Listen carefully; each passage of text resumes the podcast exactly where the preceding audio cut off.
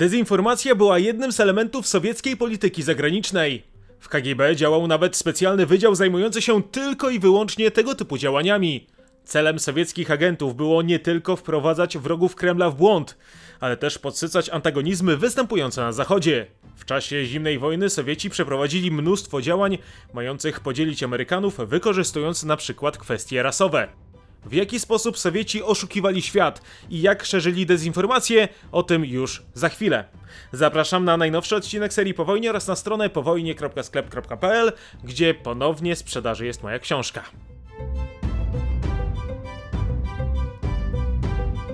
Dezinformacja polega nie tylko na wprowadzeniu w błąd, ale też przeniesieniu uwagi z bardzo groźnej sytuacji na zjawisko o niewielkim znaczeniu. Termin wymyśliły niemieckie służby specjalne już w czasie I wojny światowej. Potem również i inne kraje, w tym i Związek Radziecki, zaadoptowały to rozwiązanie do własnych politycznych celów. Przekazywane do kraju wroga informacje w jawny lub niejawny sposób tworzą pozornie prawdziwy obraz kształtujący opinię publiczną.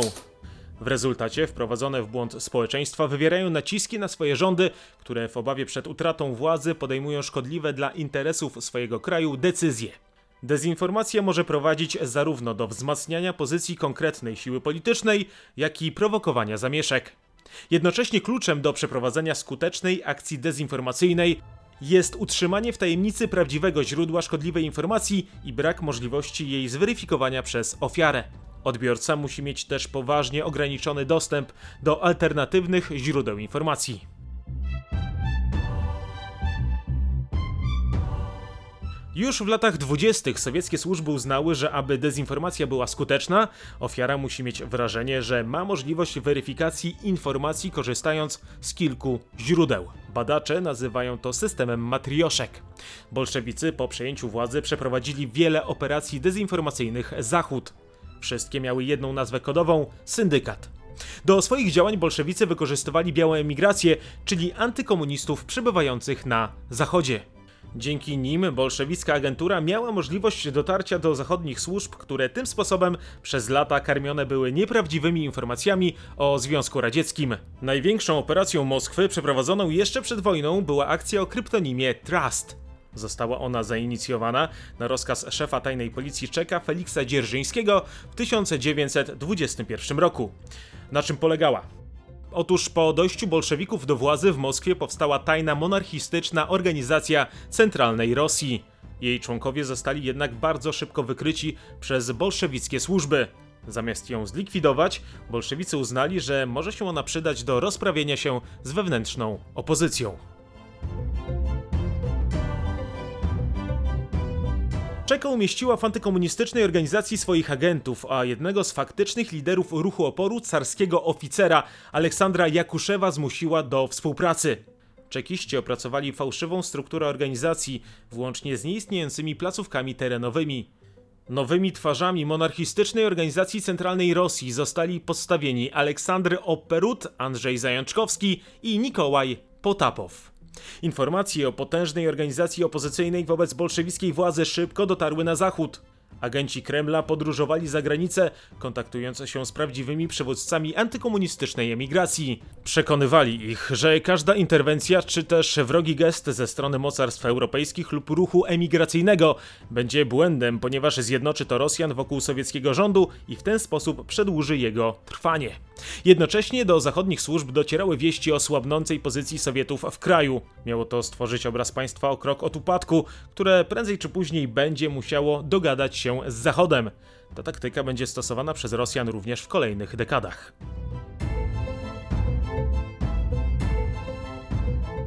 Sowietom udało się uśpić czujność zachodnich służb. Z zachodu Europy do Moskwy zaczęła płynąć rzeka pieniędzy, która oficjalnie miała wzmocnić środowisko opozycyjne. Faktycznie jednak przekazywane środki zasilały budżet państwowej policji politycznej w ZSRR. Tajna operacja doprowadziła też do skłócenia rosyjskiej emigracji i skompromitowania wielu antykomunistycznych działaczy. Sowieckim służbom udało się też złapać agentów zachodnich krajów. Jednym z nich był Sidney Reilly, działający na zlecenie brytyjskiego wywiadu. Nawiązując współpracę z podstawionym antybolszewickim podziemiem w Rosji, przekazywał do Londynu nieprawdziwe informacje o dużym ruchu oporu w ZSRR. W 1925 roku został zwabiony do Moskwy i rozstrzelany 5 listopada. Operacja, która została przerwana dwa lata później, skompromitowała zachodnie służby, które niedostatecznie sprawdzały informacje docierające ze wschodu.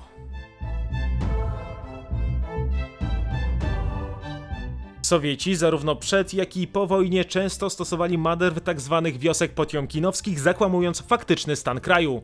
Niekorzystne informacje były umniejszane, a korzystne hiperbolizowane. Fałszowane były oficjalne statystyki. Słabości systemu przedstawiane były jako jego mocne strony. Tuż po II wojnie światowej blok wschodni przedstawiany był jako monolit. Mogli go odwiedzać jedynie zagraniczni goście o komunistycznych poglądach. Trasa ich podróży po ZSRR była wcześniej specjalnie przygotowywana, a fabryki i gospodarstwa odpowiednio aranżowane na ich przyjazd. Zagraniczni dyplomaci oraz dziennikarze nie mogli opuszczać Moskwy.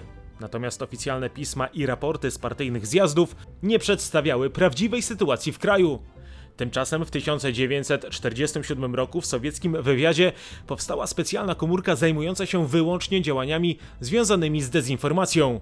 Jedną z jego pierwszych misji było osłabienie pozycji jugosławiańskiego przywódcy Josipa Brosztity. Wkrótce w krajach tzw. Tak demokracji ludowej pojawiły się informacje, jakoby miał być wieloletnim agentem zachodnich służb.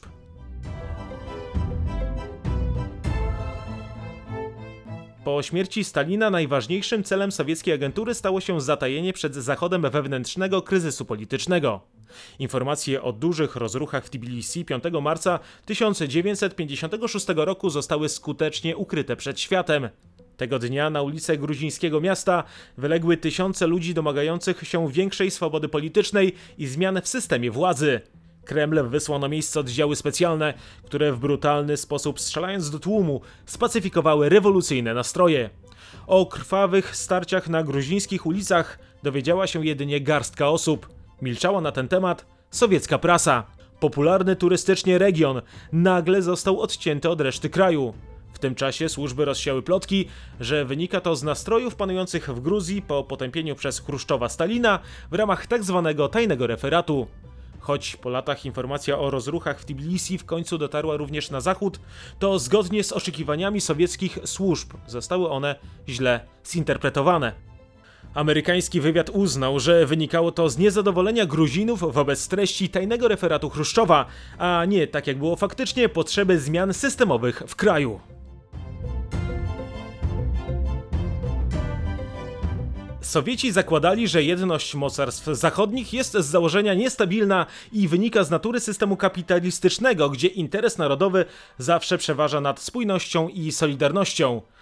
Moskwa uznała więc, że musi prowadzić taką politykę, aby stworzyć warunki, w których jedność polityczna i gospodarcza Zachodu będzie trudna do utrzymania. Pod koniec lat 50. eksperci sowieckiego wywiadu stwierdzili, że Zachód jest tym silniej zjednoczony, im silniejszy wydaje się przeciwnik. W tej sytuacji korzystne dla ZSRR miało być stworzenie wrażenia słabnącego bloku wschodniego. Dlatego podczas konferencji partii komunistycznych z całego świata w listopadzie 1960 roku, zgodnie z wolą Kremla, ich przedstawiciele nie zdecydowali się stworzyć nowego organu koordynującego międzynarodowy komunizm wzorem lat wcześniejszych, gdy powstały Komintern oraz Kominform.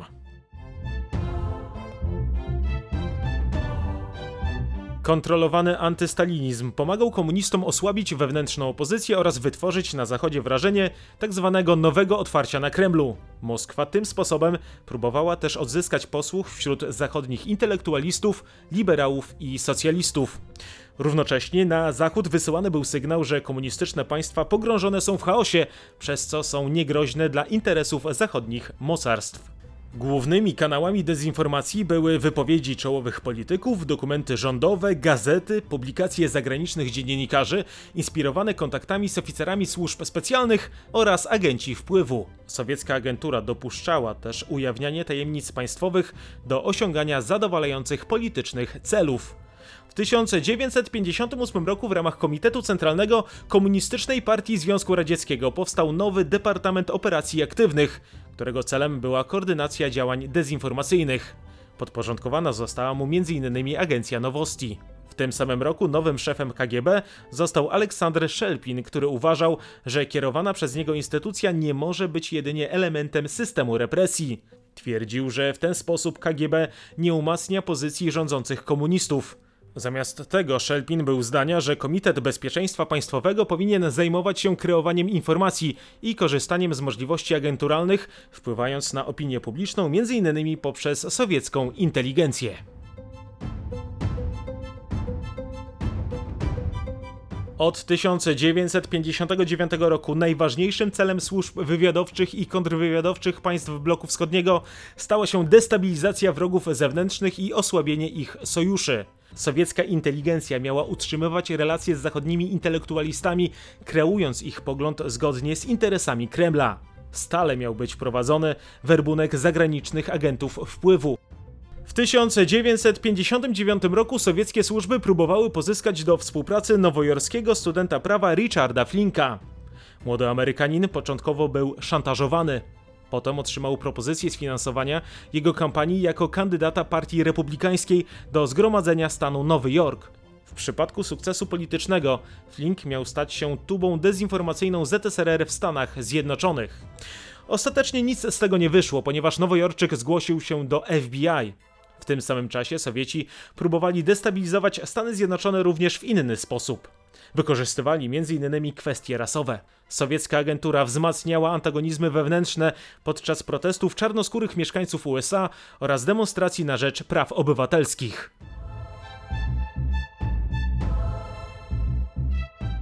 Gdy w jednej z dzielnic Los Angeles zamieszkałych głównie przez czarnoskórych Amerykanów wybuchły krwawe zamieszki, szef KGB Andropow osobiście zatwierdził przeprowadzenie aktywnych akcji dezinformacyjnych, które zachęcą sfrustrowanych Afroamerykanów do kolejnych demonstracji. Na zlecenie Moskwy sowieccy agenci namalowali na nowojorskich synagogach swastyki, a także zbezcześcili żydowskie cmentarze. Po wszystkim anonimowo zadzwonili na policję, podając się za czarnoskórych aktywistów. Aby zaostrzyć napięcia rasowe w Stanach Zjednoczonych w listopadzie 1960 roku, funkcjonariusze KGB przeprowadzili kampanię pisania listów przeciwko afrykańskim dyplomatom w Organizacji Narodów Zjednoczonych.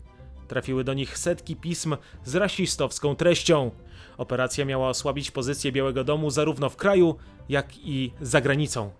O sprawie zrobiło się głośno, gdy afrykańscy przedstawiciele w ONZ przedstawili prasie niektóre listy rzekomo demaskując rasizm panujący w Stanach Zjednoczonych. Kilka lat później, w sierpniu 1967 roku, agenci KGB spreparowali dokumenty, z których wynikało, że osoby związane z Ku Klux Klanem planują zamordować liderów ruchu na rzecz obrony praw czarnoskórej ludności Ameryki.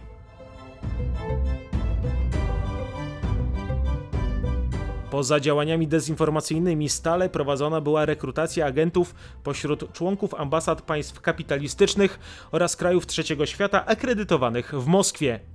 Poszukiwania współpracowników odbywały się również wśród dziennikarzy, biznesmenów oraz uczonych przyjeżdżających do Związku Radzieckiego. W styczniu 1959 roku przy Komitecie Centralnym powstał osobny Departament Dezinformacji. Na stałe pracowało w nim około 50 doświadczonych agentów wywiadu i kontrwywiadu.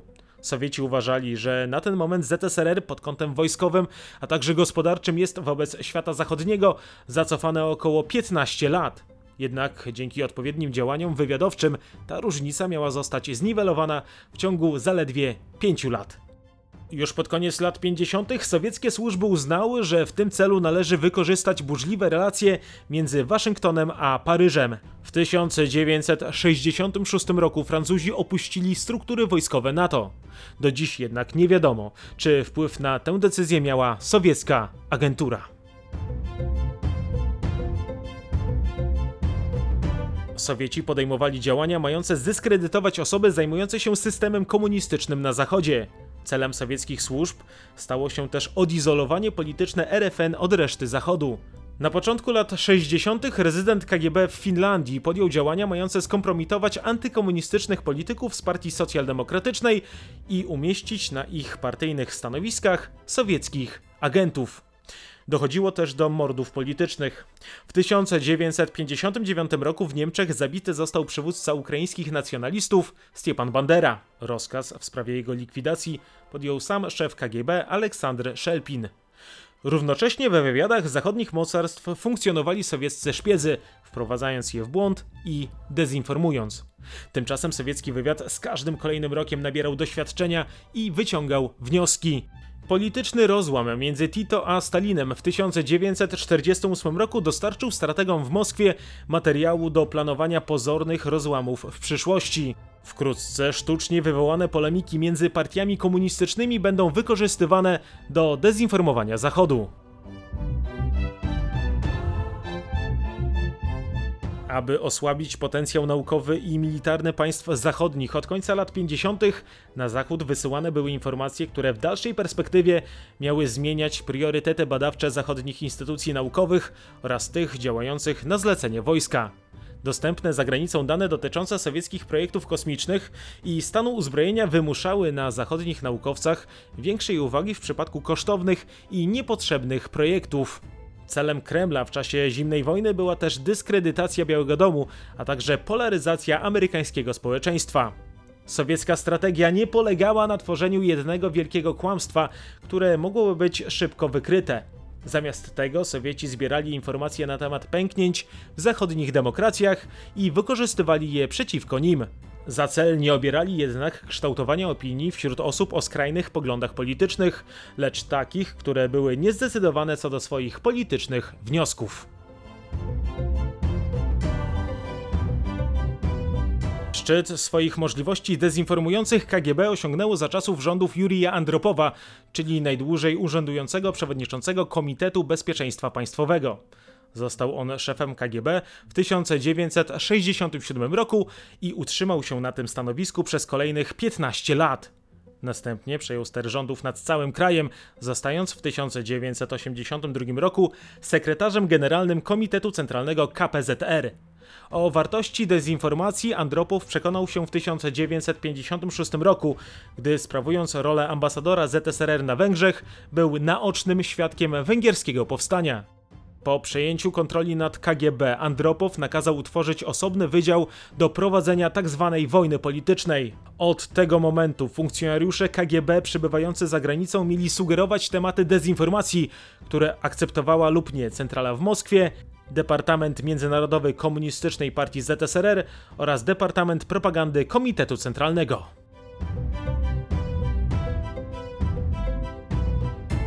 Gabinety KGB w latach 70. stały się fabryką fałszywych dokumentów. Umieszczano je w mniej lub bardziej oczywistych miejscach pozyskiwania informacji, mając nadzieję, że w przyszłości zostaną przechwycone przez agentów zachodnich rządów lub dziennikarzy, którzy tym sposobem będą dezinformować swoje ojczyzny.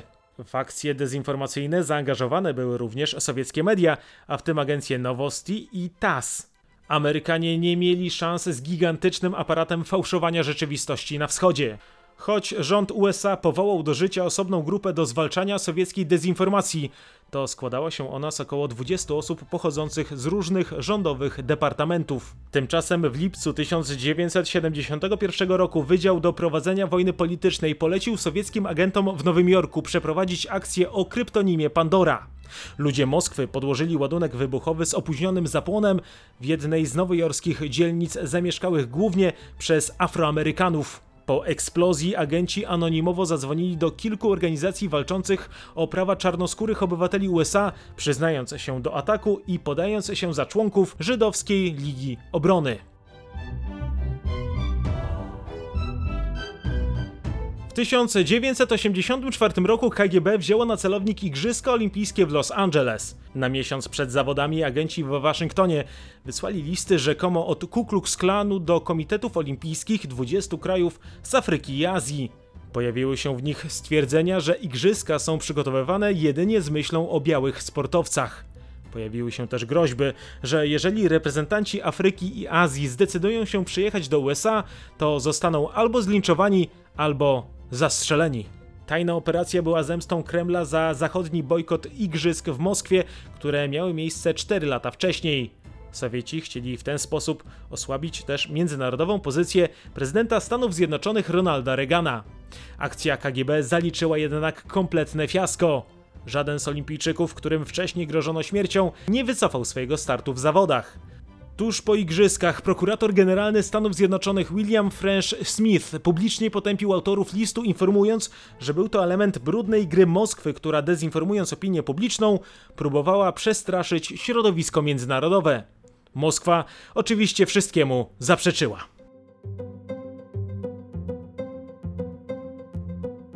Jednak Amerykanie byli pewni swego. Amerykańscy specjaliści analizując listy uznali, że ich autorami nie mogli być obywatele Stanów Zjednoczonych. Wszystkie zawierały błędy gramatyczne i składniowe sugerujące, że napisały je osoby posługujące się językiem słowiańskim.